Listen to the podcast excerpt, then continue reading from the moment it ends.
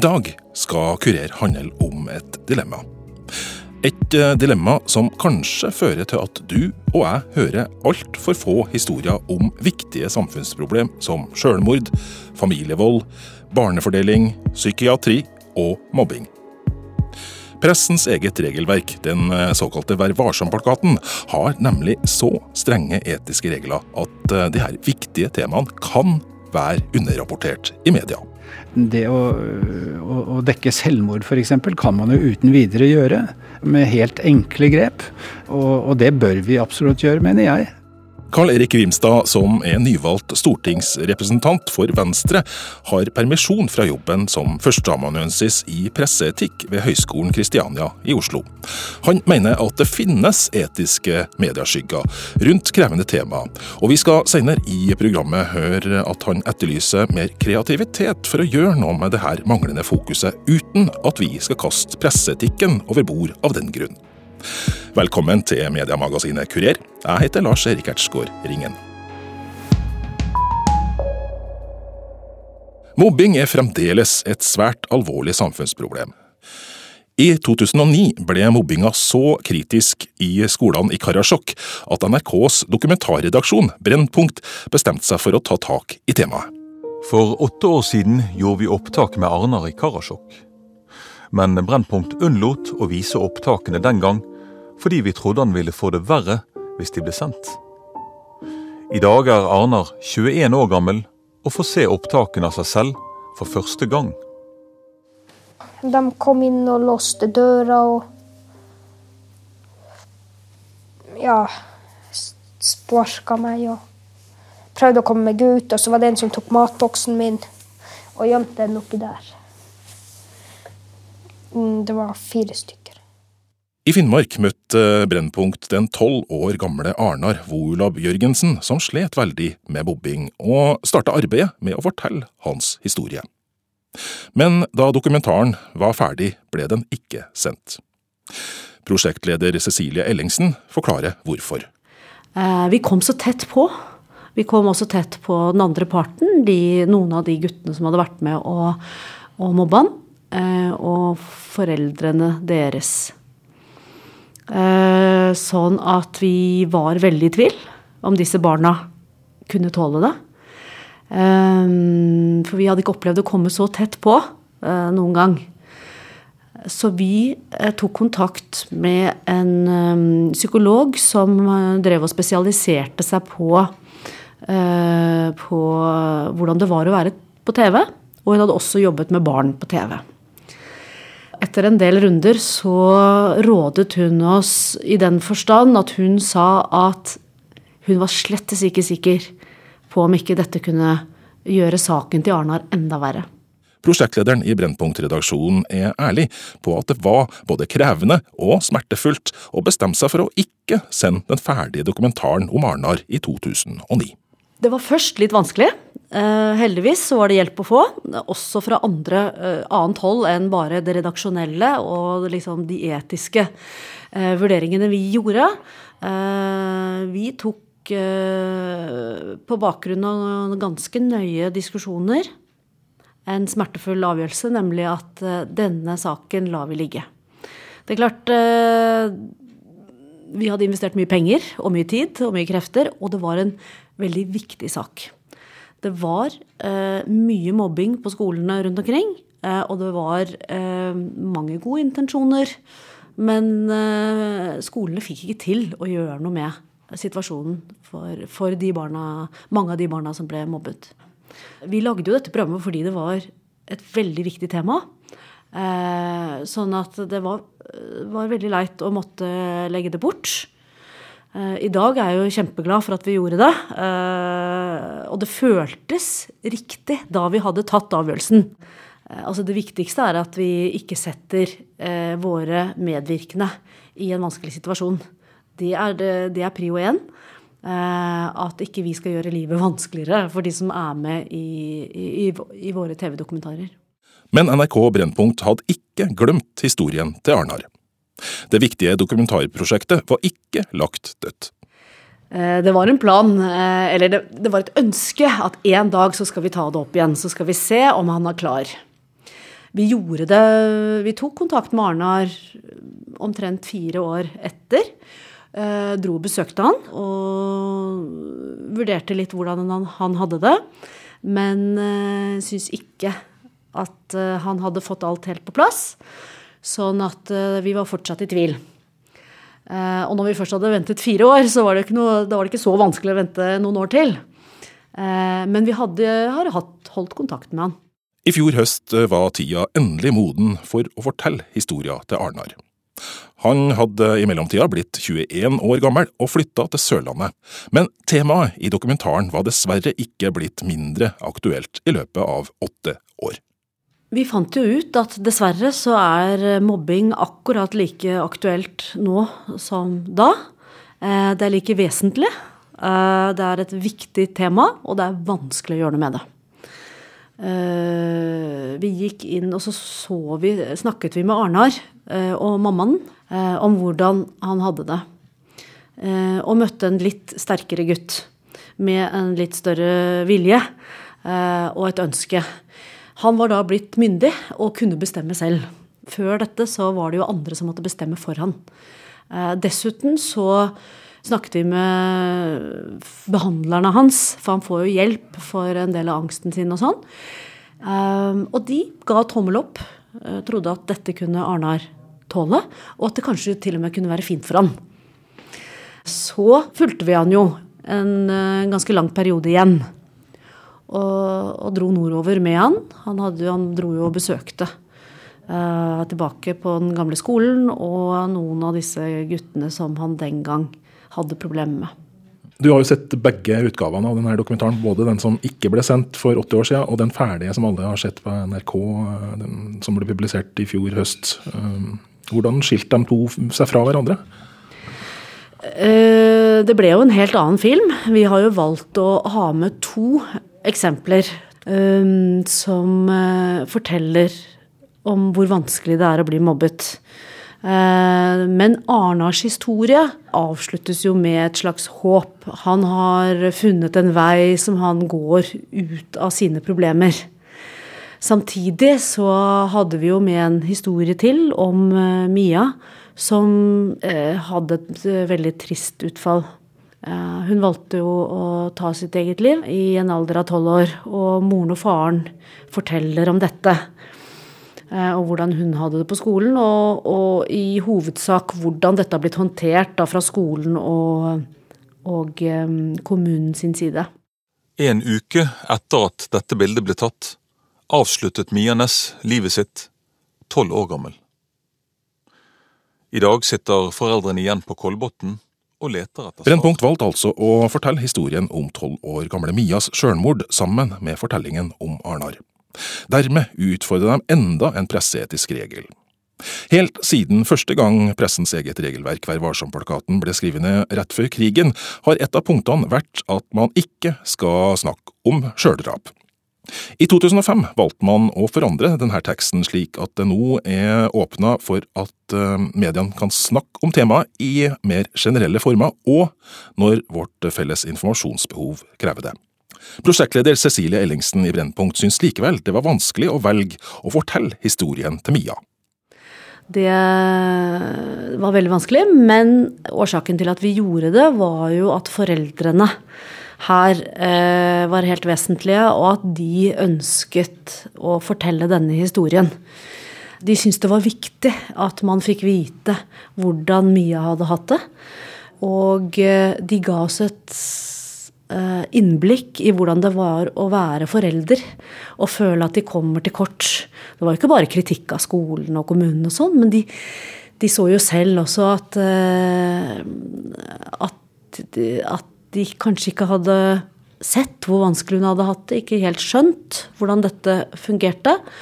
Og senere opplevde det som vanskelig samarbeid eh, med, med skolen og kommunen etterpå igjen tror jeg at liksom filmen ga et uh, ganske godt innblikk i hvordan barn opplever det å, bli mobbet, og hvor fortapt man kan føle seg.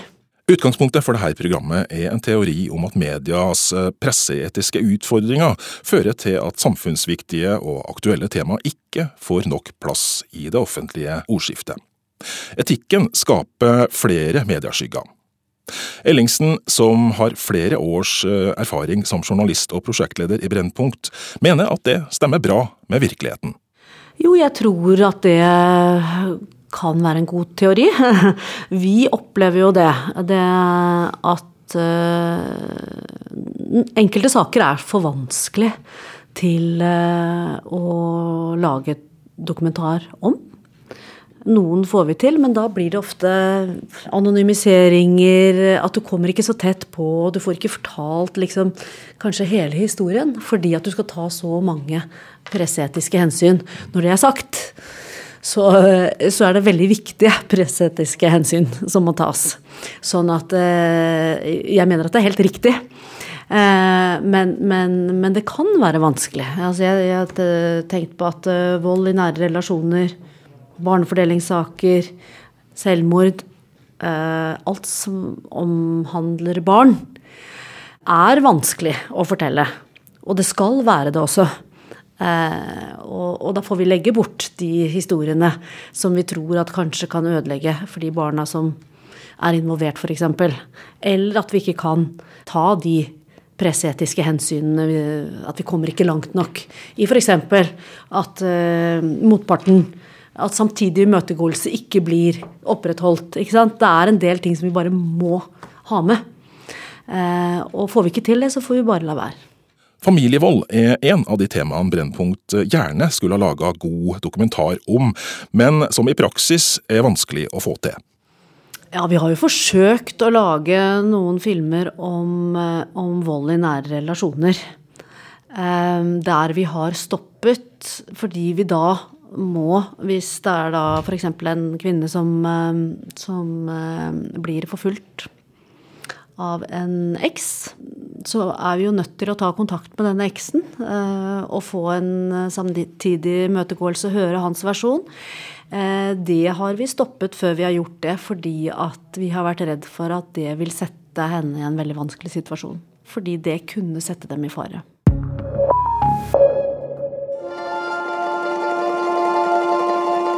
Det var litt skummelt at de skulle sende oss tilbake. Jeg vil ikke være i Irak fordi det er krig der. NRK er ikke alene om å lage dokumentarer med vanskelige tema der vi får høre barns historier. VG har bl.a. publisert historier om flyktningebarnet Karan fra Irak. Nyhetsredaktør Tora Bakke Håndlykken forteller at det er dagligdags at redaksjonen må vurdere vanskelige saker og bestemme seg for å legge dem til sides. Vi har eh, diskusjoner rundt saker eh, nærmest daglig som går på presseetikken, hvor vi gjør avveininger. Eh, det kan være eh, knytta til f.eks. rundt barn. Eh, der er det jo vanskelige presseetiske regler. Eh, sånn at jeg vil si at vi st står i de diskusjonene nesten daglig, og at vi ender opp med å ikke publisere, det skjer rimelig ofte. Hvilke saksområder er det som er vanlige her? Eh, det kan være eh, barnefordelingssaker. Eh, som både vi kan diskutere om det er riktig at vi skal gå inn i, og særlig det kommer, hvis det kommer til publisering, så ser vi at det er vanskelig, fordi det er avveininger rundt om det vil være til barnas beste at vi publiserer. Og så vil jo det være en avveining igjen, fordi at det, jo, det er jo store problemstillinger og viktige problemstillinger eh, som eh, vi dermed eh, risikerer at vi ikke får eh, eh behandla godt nok journalistisk, eh, fordi at vi eh, står i den avveininga opp mot de presseetiske reglene.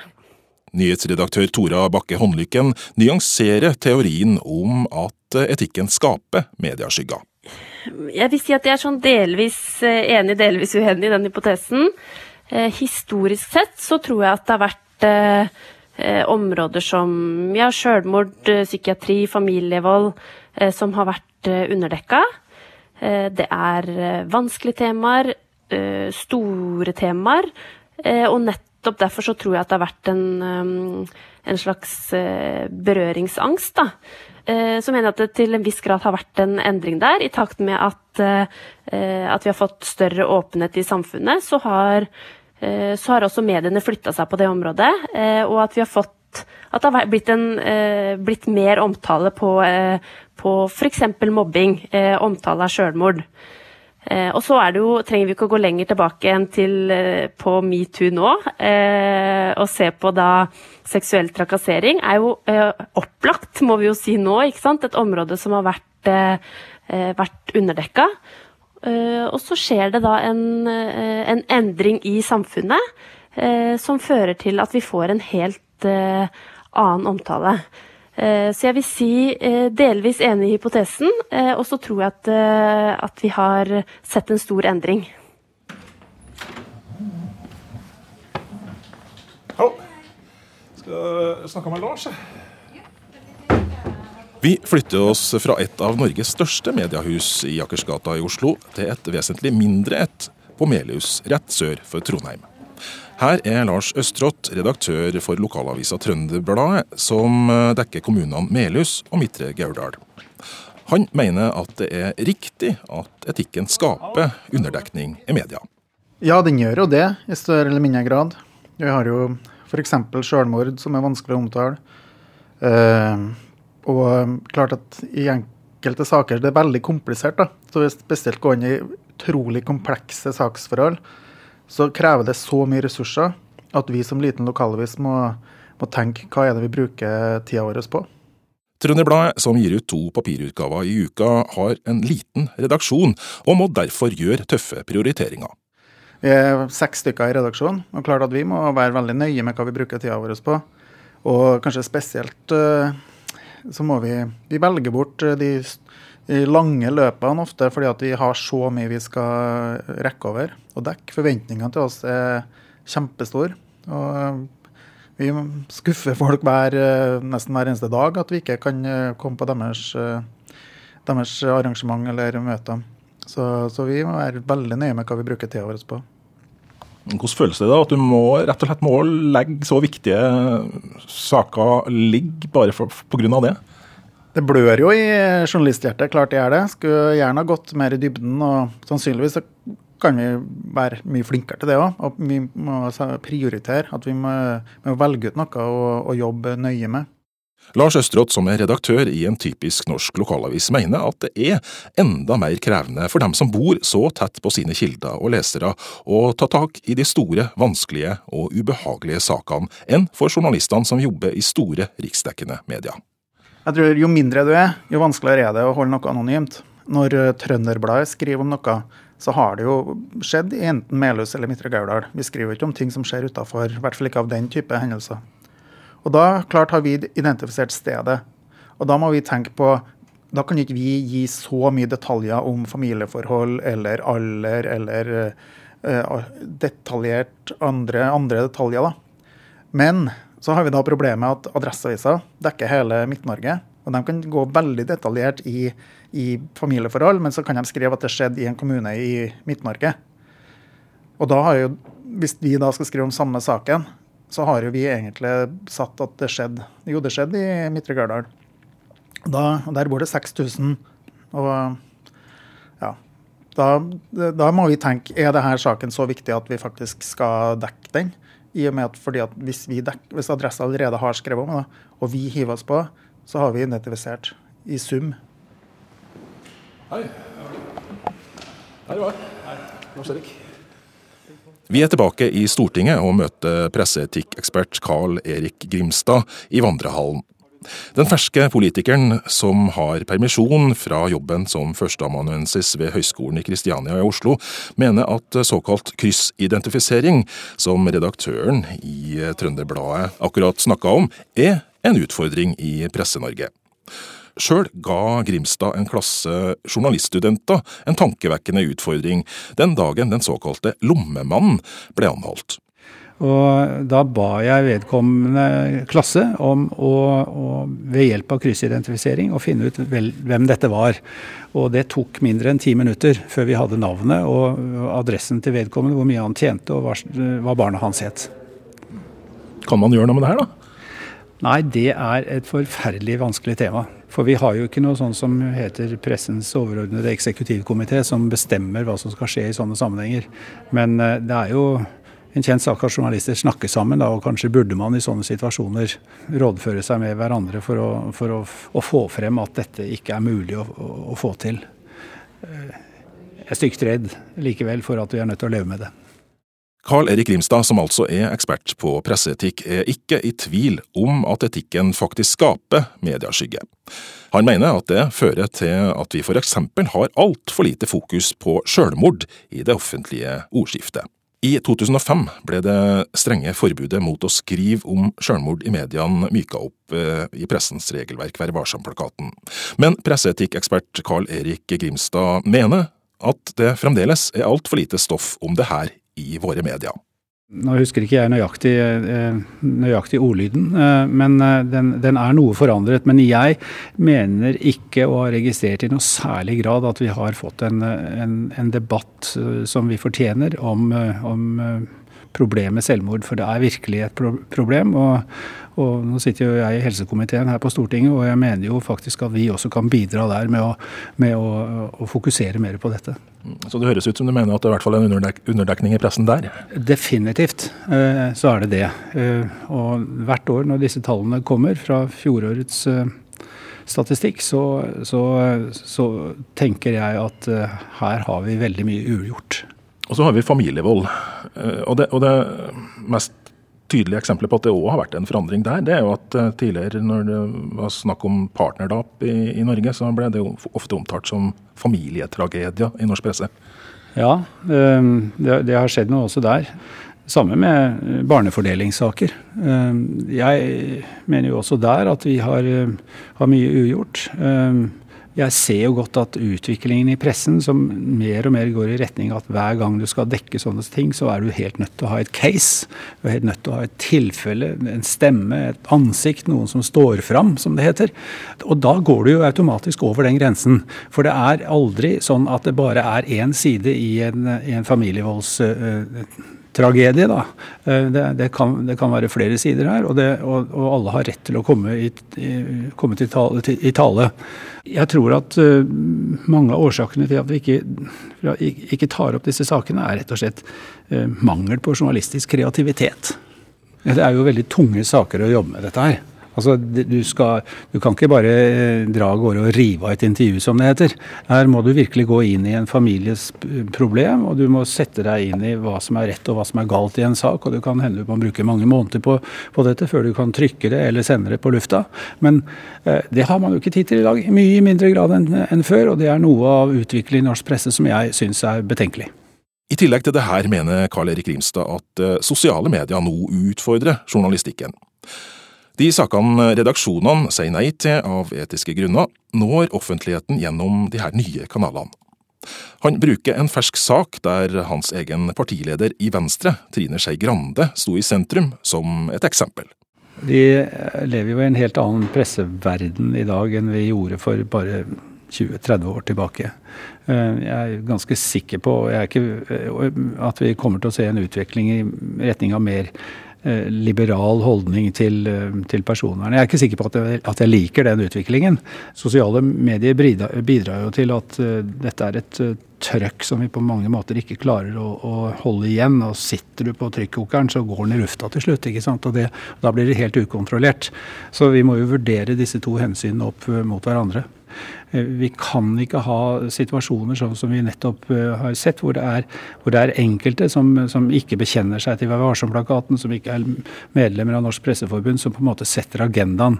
I en nylig mye omtalt sak så, så, så skjedde, jo, skjedde jo det.